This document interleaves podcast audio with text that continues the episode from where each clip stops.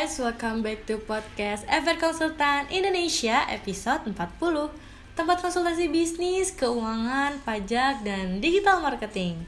Bersama gue, Mutia Neta Di episode kali ini gue yang akan menemani kalian dalam beberapa menit ke depan. Yang pastinya dengan topik yang seru dan membangun buat kaum milenial.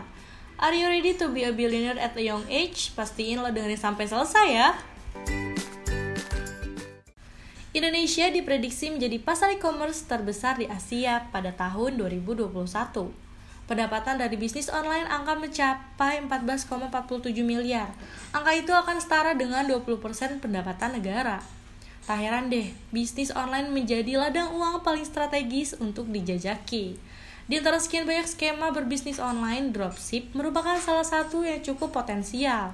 Skema bisnis dropship bisa dibilang minim resiko sekaligus juga minim modal. Siapa saja sih yang bisa memulai bisnis dropship alias menjadi dropshipper? Ternyata siapa pun bisa menjadi dropshipper, asalkan familiar dengan e-commerce, peka dengan permintaan pasar, dan getol untuk mempromosikan bisnis yang digelutinya. Jadi gimana, lo tertarik gak sih menjadi dropshipper? Kalau iya, episode podcast kali ini sangat cocok nih buat lo dengerin. Untuk pembahasannya lebih rinci, simak terus podcast kali ini hingga akhir ya. Pertama-tama, apa sih dropship? Dropship adalah model bisnis di mana pihak ketiga bekerja sama dengan pemilik toko untuk menjualkan produk mereka. Namun, sang dropship tidak berhak untuk menentukan harga, sebab sang pemilik produk yang akan melakukan pengiriman barang. Dengan kata lain, dropship hanya seorang perantara saja. Keuntungan dropship ditentukan oleh sang pemilik toko berdasarkan harga produk dan begitu profit yang didapatkan mungkin tak sebesar dari reseller, tergantung dari kebijakan pemilik toko ya. Keuntungan dari dropship apa aja sih? Yang pertama, tak perlu pusing memikirkan stok produk karena semuanya diurus oleh pemilik produk. Yang kedua, tak perlu lagi memusingkan urusan pengemasan produk. Yang ketiga, tidak ada kata rugi apabila produk tidak laku terjual. Yang terakhir bisa bekerja sama dengan banyak supplier sekaligus. Kekurangan dari dropship, setiap kelebihan pasti ada kekurangan kan. Yang pertama sulit mencari tahu ketersediaan stok produk dari supplier sehingga tidak dapat memastikan ke pembeli. Yang kedua, tidak bisa mengetahui kualitas dan spesifikasi produk yang sesungguhnya. Yang ketiga, penentuan harga harus sesuai dengan siklus naik turunnya harga jual supplier.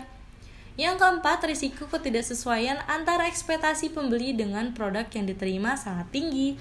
Yang terakhir, reputasi penjual sangat dipengaruhi oleh kondisi dan kebijakan dari supplier. Nah, kalau kita mengulas kembali tentang dropshipper atau reseller pada episode-episode sebelumnya, sebetulnya kedua profesi bisnis ini sama-sama cocok untuk pengusaha pemula.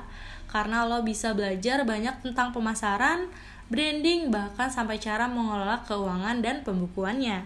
Keduanya pun memiliki resiko yang harus diperhatikan. Melihat perkembangannya, dropshipper memang lebih banyak kemudahan dibandingkan dengan reseller. Hal tersebut terjadi karena seseorang tidak perlu mengelola stok untuk menjual produk. Yang kamu harus miliki hanyalah skill dalam menjual produk sehingga bisa mendapatkan profit yang maksimal. Dalam bisnis dropship, semakin banyak produk yang terjual akan berbanding lurus dengan pemasukan yang didapatkan. Nah, nggak kerasa ya ternyata kita sudah sampai di penghujung episode kali ini. Bagaimana sih kira-kira menarik nih pembahasan kali ini? Thanks banget buat para Gen Z yang udah dengerin sampai akhir episode 40 mengenai bagaimana sih memulai sebuah bisnis dropship. Untuk mendapatkan lebih banyak tips dan trik tentang bisnis, keuangan pajak, dan digital marketing, kalian pantau terus ya podcast FR Konsultan Indonesia. Dan tunggu update-annya di Instagram kami at FR Konsultan Indonesia. Oh iya, kalian juga bisa konsultasi gratis loh selama 20 menit pertama dengan menghubungi nomor 0813 8228 9991 atau mengunjungi website kami di frkonsultanindonesia.com.